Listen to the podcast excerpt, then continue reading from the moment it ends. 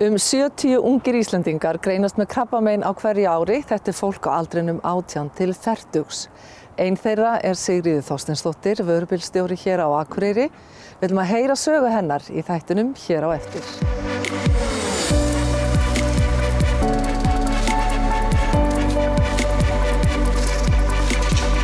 Sigga var tæplega 26 ára þegar greiningin kom. Hún var komin með húðfrumu eitil krabbamein og er önnur tveggja sem greindist með slíkt krabbamein í mæi árið 2017. Ég byrjaði á því að fá bara bref heim um það ég ætti að mæta þarna í þennan tíma á þennan stað og ég mætti alls ekki koma einn. Ég þurfti helst að hafa bara mína nánustu með og ég man það voru mjög margir inn í þessu herbyggi. Ég man ekki hversu margir en það var allavega minn blóðuleiknir sem var þarna og held ég tveir leiknar viðbútt sem að sögðu mér það að ég væri með þetta húðfrumu eitil krabba minn. Og hvað þýðir það? Já, ef ég vissi það, þá myndi ég geta svarað því en ég veit ekkert meira sko. En það sem við vitum þó er að það er krabbamenn sem er utan á þér. Já. Förum aðeins yfir hvernig það byrja allt saman. Já, ég var semst með barnabrústi þarna, var átti stelpu 29. september. Og ég fyrir að fá semst sár á gerfurstuna og, og ég leitaði til læknis og svo fór ég að fá sár allstar út á líkamann, uh, aðalega á höndum og á fótunum. Og svo ég leita á til læknis og þeir reyna að finna út úr þess að halda þetta sé bara einhver svona síking í húðinni og annað og fer í alls konar rannsóknir, myndatökur og allt svona. Og þetta var mjög erfitt að greina og fyrst heldur þetta að vera hvítblæði, svo var það ekki. Svo heldur einmitt að þetta væri einhver svona sjálfsóðnamis sjúkdómur sem var svo ekki. Þannig að þetta var, þetta var langt tímabill að greina þetta. Var, hvernig var svo þessi dómur? Fannst þér þetta að vera dómur þegar þú fegst að þetta veri krabbamein? Nei, vegna þess að Google vinnur okkar, hann var, ég var alveg búin að googla mig í drasl sko. Þannig að þú veist þetta var bara, ég var eiginlega komið með allar hugmyndir að því hvað þetta gæti mögulega verið sko. Þannig Og hvað gæti þetta verið? Þetta gæti verið ímislegt. Þetta gæti verið til dæmis blóðeitrun, þetta gæti verið hvítblæði og einhvers svona sjálfsónami sjúkdómir. En þetta krabbamein sem ég er með kom aldrei upp. Alveg sama hvað að googla er. Þannig að þú þurftir að fá fullt af upplýsingum þegar þú heyri þetta orð. Mannst eitthvað neginn eftir upplýsingunum sem þú vegst? Nei, ég held að ég hafi eiginlega bara ekkert fengið nefnir upplýsingar og er ekki heldur búin að fá það í dag. Þetta er mjög sjálfgæðs krabbamein. Já. Hvað eru margir á Íslandi til þess greindir með þetta? Ég veit, að, veit fyrrvíst að við erum tvær en þetta krabbamein er algengast hjá karlmönnum yfir 55 ára.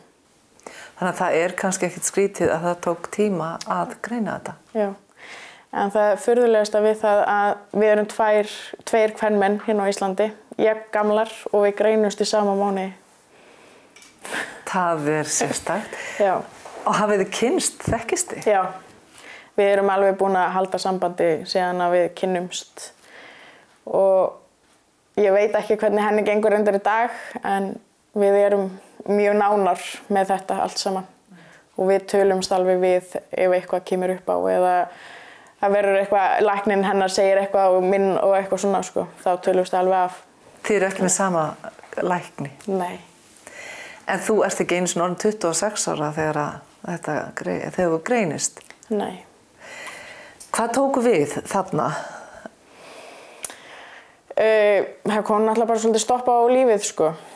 Að ég fer semst í lífið með fyrst þarna og er á mörgum lífjum. Semst þess að held ég, ég veit ekki fyrir víst, en ég held að sé til þess að stoppa að eitlaðinni stækka og dreifa sér. Um, já, ég fór í semst sex lífjagjafir þarna á að byrja á þryggja vekna fresti en fór svo í, nei byrja á tveggja vekna fresti og fór svo yfir í þryggja vekna fresti. Af hverju var það? af því að æðarna mínar bara þóldu ekki lífið. Ég fekk svo ábúrslega mikla æðabólgu að á seinustu, ég man á seinustu tveim vikunum sem ég var þarna þá þurfti ég að koma sko þryggja, eða semst þrjá dagi rauð og ég þurfti alltaf að byrja að fara upp á svæfingu og láta þá setja upp æðaleg. Já. Hvað varst að fá mörg líf? Í æðu var ég að fá fimm líf og svo var ég á, í töfluformi líka ofan á það. Hvernig fór þessi lífjögjöf með þig? Hún eiðilaði mikið fyrir mér, lífsgæðin. Um, ég hef til dæmis ekki vinnuð þól í dag og hafði ekki þarna heldur þótt að ég hafi reynd eins og ég gatt. Um, já, maður svona eiginlega, maður tók eftir hversu góður maður var áður en maður fór í þetta sko. Þótt maður vildi náttúrulega ekki sætta sig við þetta sko. Þú varst á þessum tíma að vinna sem vöruflutningabílstjóri. Já. Það er nú ekki létt vinna. Nei, það er meiri líkamlega vinna heldur en maður gerir sig grein fyrir. Það var einmitt í gegnum starfi sem vöruflutningabílstjóri sem Sigga kynntist sinni bestu vinkonu en hvernig lýsir hún Siggu? Þrjósk, heiðaleg, indisleg, ákveðin. Já, eiginlega bara það, eiginlega eitt, það er bara besta vinkonu sem maður getur eignast. Góður hlustandi, getur tjá sig alveg rosalega og það er bara hlusta maður. Þið voru búin að þekkja svolítið þegar að hún greinist. Já. Segð þú mér hvernig dagurum var hjá þér 29. mæ 2017? Hann var mjög óþægilegur. Ég veit að vissi þú hún var að fara að fá hérna niðurstöður og ég spurði strax hver færi með henni og þótt að sjá með það, mamma sín og pappi. Ég var í rútuferði, ég var þá rútubílstöri og var keirði frá Reykjavík, stoppaði einhverstara leðinni og stoppaði mig í varmalíð og ég var ekkert búin að heyra en sími var eitthvað búin að pípa hjá mér. Eitthvað, fólk bara spurja hvort ég hafi eitthvað heyrt í henni, ég sagði nei. Svo þegar ég var stopp þá hérna sendi ég bara skilabóð meðan ég er að taka til í rútun eftir krakkana. Segi bara, já, sveikum minn. Og þá ringd hún í mig það spyr fyrst hvort ég sé ein og ég segi já, ég væri bara einn og þrjú á rútuna. Þá sáum við þetta. Uh, sem betur fyrir var svolítið breytt á milli sætana því ég eila bara hrið niður og öskra. Ég man ekki svo hvort hún var í síman hjá mér eða ekki. Hvaða orð heyrðir þú? Að hún væri með krabba minn að því að eins og hún þá voru búin að googla og þetta var eiginlega bara ekkert í sko í myndinni. Ég var þetta búin að sjá þetta sárin ég var búin að sjá þetta allt saman og þannig að þetta var svolítið og ég hugsaði þetta þú veist bara nei ég er ekkert að fara í jarðaför sagði henni bara strax ég er ekkert að fara í jarðaför en þennan og ég hef bara haft það bara sem motto það er bara, kemur ekki til greina Hvernig breyttist vináttu ykkar eitthvað eftir þetta? Já, allt hún ekki hafi orðið aðeins innilegri ef hægt er. Við það rættum rosalega mikið saman þegar við byrjum að vera vinkonur. Uh, svo þetta var það nólétt, þá hérna var það líka. Það má alveg segja, ég hef svona verið svona með mömmuna að ég ganga í gegnum meðgöngu með henni og svo þetta. Mm -hmm. En uh, hvert er hlutverk bestu vinkonu? Hlusta. Þrasa við hana. Segin af það til læknis. Bölva. Öðru hverju. Og bara reyna að vera ákveðin en umfram allt að það er bara hlusta á hana. Að leifinu bara tala og allt svolítið. Ég hef læriði það mjög fljótlega að ef ég sendi henni skilabóð og það kom kannski bara já, ok, þá vissi það að henni leiði ekkert vel. Þá bara leti hann að vera í smá tíma. Því að svömmunni geta alveg verið jafn þrjóskir hún og gefa sig ekkert. Og þá kannski vissi ég líka hún var þreytt og svona. Og þannig að þetta var svona, tók svolítið á fyrstu vikur, mánuði. Sigga er tveggja barnamóðir, auk litlu dótturinnar sem var bara átta mánada þegar ósköpun dundu yfir var sex ára sónur hennar einni í myndinni og sambilismadur. Þessi tími var þeim öllum afskaplega erfiður. Þennan dag þá kom mamma mín og pappi og litla stelpa mín með á fundin. Sem þá var átta mánada? Þennan dag var hún átta mánada, já. Og fann, fannstu að það var styrkur að hafa þau? Já, en mér fannst það erfitt. Hvað fannst þér erfitt við það? Um, ég man það svo sem ekki alveg, en ég man bara hvað mér fannst erfiðara fyrir þau að fá þessar fréttir heldur en ég. Það er svona eina sem ég svona man, en þú veist þetta er alltaf ennþá svo mikill í móðu ennþá sko. Heldur þetta í einhver tíman eftir að koma út úr þókunni? Já, já, maður þarf alveg að vinna sig í gegnum hennan erfiða tíma í lífinu sko, þannig að þetta kemur einhvern tíman. Hvernig varstu á þessum tímapunkti undirbúinn, bara andlega og líkamlega, undir að fara í gegnum svona töff skeið eins og þú ert búin að fara svo í gegnum? Uh, Ég var enga veginn tilbúin til þess. Ég var náttúrulega stödd á mjög erfiðum tíma í lífinu þarna. Um, já, þannig að þetta var svolítið svona bara annað áfall og á allt hitt, sko. Hvað varstu stödd í lífinu? Ég var náttúrulega með lítið barn og var í fæðingarólu ennþá. Og hún var svolítið, hún var svolítið erfitt sem unga barn. Hún var með magakveisu þannig að veist, ég var svona eiginlega bara nýfarin að svona fá eðlilegt líf aftur þegar þetta kemur svo. Vona það. En líkamlega? Ég var náttúrulega ekkert búin að jafna mig eftir fæðinguna og ég fekk alveg óbúslega mikla grindaglinun hérna af þessan meðgöngu. Þannig að ég var ekkert góð, bæði líkamlega og andlega þannig sko.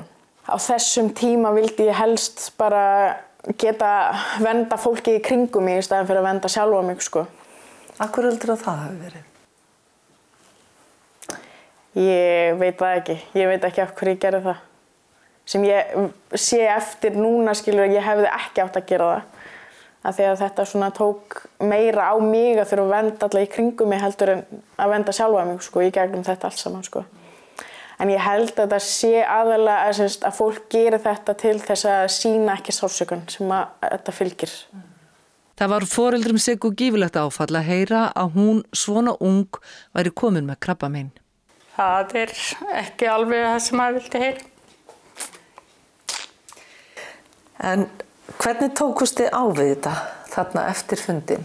Hvernig, hvað var næsta skref? Fannst þér þitt hlutverk breytast sem móðir í þessum aðstæðum? Já og nei, en ég var bara náttúrulega mikið með henni. Við þurftum bara eiginlega að vera vaktaskiptu með litlutum hana.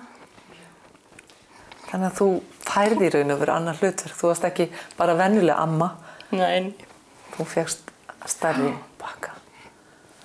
Hvað tók við þarna? Svona bara reynd útsagt fyrir þig. Hvað, hvað gerðist þarna? ég eins og maður segir, maður lætur náttúrulega lífið bara ganga áfram en þarna kom inn sko þú þarft að vera til staðar. Já. En meira kannski heldur en þú hafði þurft að vera. Já, já. Hvaða hlutverk fegstu? Ég náttúrulega fylgdi henni mikið í livjagjafir. Svo var ég náttúrulega með krakkana svo hún geti kvilt sig á mælli. Þannig að við bara hjálpuðum stað. Hefur alltaf verið kletturinn í lífi hennar? Ég er svona þegar hún lifið mér. Þegar hún leiði. Já. Já, Já. En þetta er sterk stelpa sem þú átt. hún er það. Fannstu fyrir reyði gagvart örlugunum á einhverjum tímpunkti? Hennar. Já og nei, en það er líka eitt í þessu að föðursýsti mér sagði við mig hérna þegar ég var bara úlingur. Þú ert búinn að fá æfiskeiðið þitt skrifað um leiðu þú fæðist. Og það er alveg sama hvað sem kemur upp á, það er engu hægt að breyta. Og trúir þú því? Já, ég trúi því þegar ég horfa á hlutina.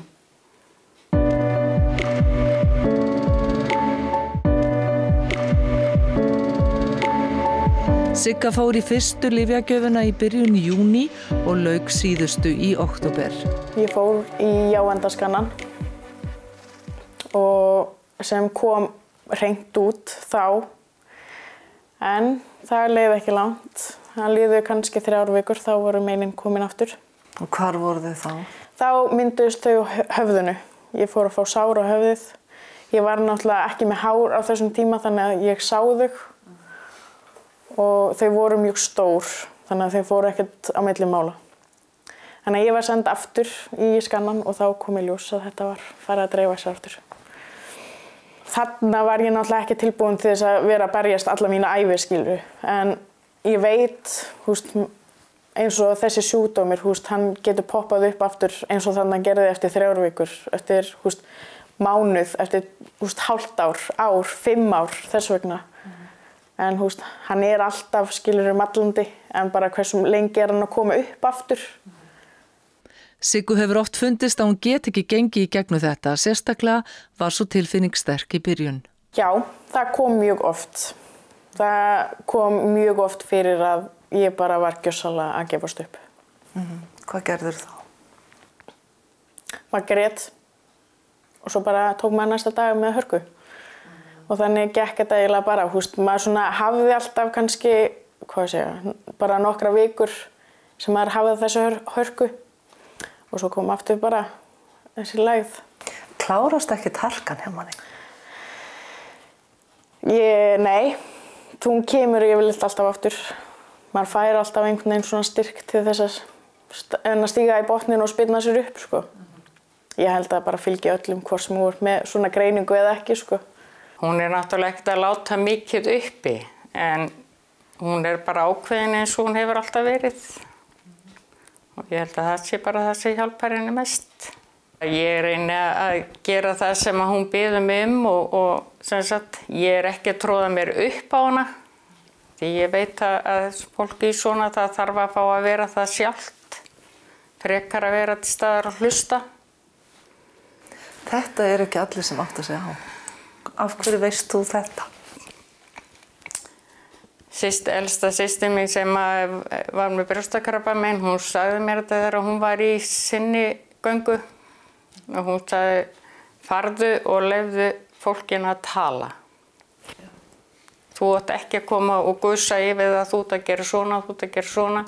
Það er það sem þarf að fá að tala. Og þú hlustaður á þetta. Já og það er náttúrulega fólk, sjúklingar, þeir eiga að segja það sem þið finnst, hvort sem það særir náungan eða ekki. Bara til þess að það létti á sér, en við þurfum líka að gá að okkur, við eigum ekki að taka það inn á okkur. Þetta er mikil speki og skiptir auðvitað mjög miklu máli. Já. En hvernig getur maður slefti að taka það inn á sig? Þú tekur það inn á þér í augnablík, svo bara segir við sjálfa þig, hún er sjúklingur og hún hefur leiði til þess að tjá sig. Og þetta getur bara muna miklu fyrir sjúklingin að losna við þetta. Það komi tímabil fyrir þegar hún var í meðferðinu að þá hérna var hún rosalega langt niðri og hún hringdi. Og sagði sko ef hún fengi afturgreiningu eða eitthvað þá myndur hún ekki fara í meðferðina. Alltaf bara hætti í meðferð. Það er þetta sko maður þegar maður er krakki þá þetta segir maður kannski ekki alveg svona. En sem betur fyrir þá er hún það þrjósk og hún bara heldur áfram og held áfram. En tókstu undir þetta með henni? Hvernig brást ekki þú við? fræðilegur það er bara ekki til búið En er hægt að googla hvernig á vinur að vera við þann sem að hefur greinst með krabbamein? nei, þú verður bara að læra það. Það er ekkert annað búið þú þarf bara að vera til staðar. Þú veist, og þú ringi eins og þú veist þegar ég var í rútunni og fór í þetta og þá voru við kannski að tala saman þú veist þegar ég var stopp og hún var kannski að keira sem maður kannski var ekkert alveg sammála með og hún ætti að vera að gera að þá, var, því, þú veist, þá getur hún alltaf ringt hún hefur alltaf getað ringt og sérlega okkar vinótt að byrjaði þegar við vorum báðar sko, hún var kannski að koma heim úr vinnunni klukkan 3-4 þá er ég að fara í vinnuna. Þannig að við vorum alveg vakandi þannig á svipuðum tíma og við gátum alveg tala saman því við vorum bara einar í bílunum. Sem var bara mjög hendugt Hvers virði var að hafa sterka í kringum þig eins og mömmu þína og vinkonu þína? Það er mikil, mikil svirði að hafa svona fólki kringu sig. Að það gefist ekki upp með manni. Að, húst, það bergist líka með í gegnum þetta allt saman. Sko. Var eitthvað svona sem þú þráðir að heyra allan tíman? Allan tíman, já, ég þrái það náttúrulega ennþá í dag að ég sé orðin laus við þetta. En ég fekk náttúrulega vita það eiginlega strax að þetta sé króniskur sjúkdómur. Þú losnar þá aldrei við hann. Hvernig er það sætt þessi við það? Uh, getur maður einhvern tímann sætt sér við það? Maður getur bara að lifa með því. Lífsgæðin náttúrulega breytast rosalega mikið og þú þarft svona, ást, maður þarf náttúrulega bara að sætta sér við hlutina því maður fær þeim ekkert breytt eins og þetta að þú veist, mér langar ofbúslega mikið að geta að fara að vinna ég kannski geta unni í 2-3 daga en svo líka kannski rúminni í 5-6 daga þannig að maður verður einhvers þar að stoppa sko en, og sætta sér bara við þetta, maður getur ekkert haldið áfram þannig sko En hvernig er staðan í dag? Það er ekki langt síðan ég lauk við lífið með ferinni senustu. Þannig að núna er þá bara býða og sjá. Nú er það eitt að greinast með þennan alvarlega sjúkdóm en og að fara í gegnum þessa meðferð líka mun breytist. Hvernig náður á einhverjum tímbúnd að sætta þig við hvernig líka með þinn hafi breyst? Nei. Ég er náttúrulega fæ þetta utan á líkamann, þetta krabba meginn og er með fullt af vörum bæði eftir aðgerður og svo eftir öll, eftir öll sárin sem ég fekk og ég held ég losni aldrei við þau en svona náttúrulega bæti maður rosalega mikið bjú og bólgum og allt þetta á sig eftir öll lifin og maður sjálfsöryggið hreinur bara gjörsalega við svona sko en já Varstu ekki sátt við konuna sem þú sást í speiklinum á mótnana? Nei, ég var það ekki. Ég var rosalega bjúið á líkamannum og bara átti erfitt með reyfingar og bara, já. Þú mistir hárið, þú mistir öll hár á líkamannum. Já. Hvernig er það? Ég var alveg undir með búinn að missa hárið. Ég er svona, já, það var ekkert þannig sem erfitt að þú veist þannig. Ég náttúrulega vissi að ég gæti fengið hárkvöldu og fjekk mér hárkvöldu en ég notaði hana einu sinni. en það versta var fyrir mig þegar ég misti andlishárin, augabrúninar og augnhárin. Það var það alversta í þessu öllu saman. Fannst þér þá bara andlitið hverfa, eða? Já, maður, þá virkilega sá maður hversu mikill sjúklingum maður var orðin. En hvað gerður þú þá? Ég bara teknaði á mig augabrúnir. Ég var oft uh, löngu vöknu öllum, undan öllum öðrum heima til þess að geta bara teknað á mig andlut. Vildur ekki horfa fram í neitt? Nei, ekki eins og fram henni sjálfa mér nánast. Mm -hmm. Hvernig er það í dag? Þetta er reynsla í dag að hafa verið búin að lenda í þessu en maður svona veit meira um þetta í dag ef maður skildi fara, þurfa að fara í þessa meðferð áttur. Mm -hmm. Þá veit maður svona um tæki og tól sem hægt er að nota. En er ekki til ímis bjargráð sem hjálpa til í aðstæðum sem þessum? Sko, lífið er núna, þetta var svolítið svona bara, lífið er núna, þú ert lífandi núna, skiljuru. En í dag þá er þetta að ég veit ekki hversu lengi ég hef lífið er núna. Þannig að maður svona, það sem maður getur gert strax, maður gerir það strax. Maður er ekki að mikið að býða með hlutina með, auðvist, í lengri tíma, sko. Þú stofnaðir Norðankraft. Af hverju gerður þið það? Ég er enda stopnað en kannski ekki. Ég var svona frumkvöðun að því að hefja þennan hóp. Mm -hmm. En ég var rosalega opinn með mitt krabba minn strax. Af hverju varstu það? Ætlaði að hafa ekki verið bara sásökun og hræðsla. Að geta tjáð sig um þetta í staði fyrir að loka sig inni og þá náttúrulega bara verið sásökun en það meiri. Þarf ekki svolítið kjark í það? Maður þarf, jú, maður þarf alveg að upphefja sjálfa sig og svona alveg tala inn í sér fyrst, sko. Og svona nánast að velja hlutina, hvað maður segir. Hvernig var þér tekið í krafninsfélaginu hérna á Akureyri? Mjög vel. Það er náttúrulega allir velkomnir. Bara öllum er tekið mjög vel sem að koma ángað. Og Ég, ég sá það bara strax hversu mikið ég átti þarna inni af því ég var náttúrulega svo rosalega opinn fyrir þessu sjálf og var ekkert smeyk við að tjá mig um mitt krabba minn. Hvers verði er þetta að tala við aðra sem að hafa upplifað svona eitthvað svipað? Það er uh, að tala við aðra sem hafa greinst með krabba minn. Þeir þekkja sásökun, þeir þekkja tilfinninguna og já, við erum eiginlega bara með sömu tilfinningu alveg sama hvers konar krabba minn þú ert með. Finnst mér allavega, hú veist. Stundum líður mér eins og ég sem bara heilbyrju stjúklingum með marga aðra, sko. Þannig að þetta er svolítið svona bara að þekka tilfinningun og sásaukan og allt þetta sem að fylgir þessu. Þið eru að tala sama tungumál. Já. veru. Mér finnst ég vera mikið, mikið kraft meiri í þessu dag og get höndla hlutina betur heldur en ég gerði þá. Ég er hún töluvert sterkari bæði andlega og líkamlegra eftir þetta allt saman, sko. Hvað hefur þið gert til þess að styrkja þið líkamlega? Ég, ég fekk mér yndislegan engaþjálfara. Á þeim tíma sem ég leitaði til hennar, þá því miður þá var pappi hennar að greinast líka með krabba minn. Þannig að ég sá tækifæri þarna að hafa sko, stuðningin líka, að hún svona vissi í hva, hvað ég væri gangi gegnum og væri ekki svona alltaf að húst, gera öfgakendar tilraunir í öllu. Hún svona gæti alveg haft stuðningin og skilningin líka. Þannig að ég er búin að vera rosalega mikið í ræktinni allan tíman og það var eiginlega bara, vil ég segja að það hafi bjarga minni geð heilsu nánast í gegnum við það. Sigga segir klárt mála hún hafi þroskast mikið á stuttum tíma en það á líka við um aðra í kringum hana. Já, Hvernig helst? just it. Það er bara, þú veist, ef þið er dettur ykkur hug, gera það þá bara.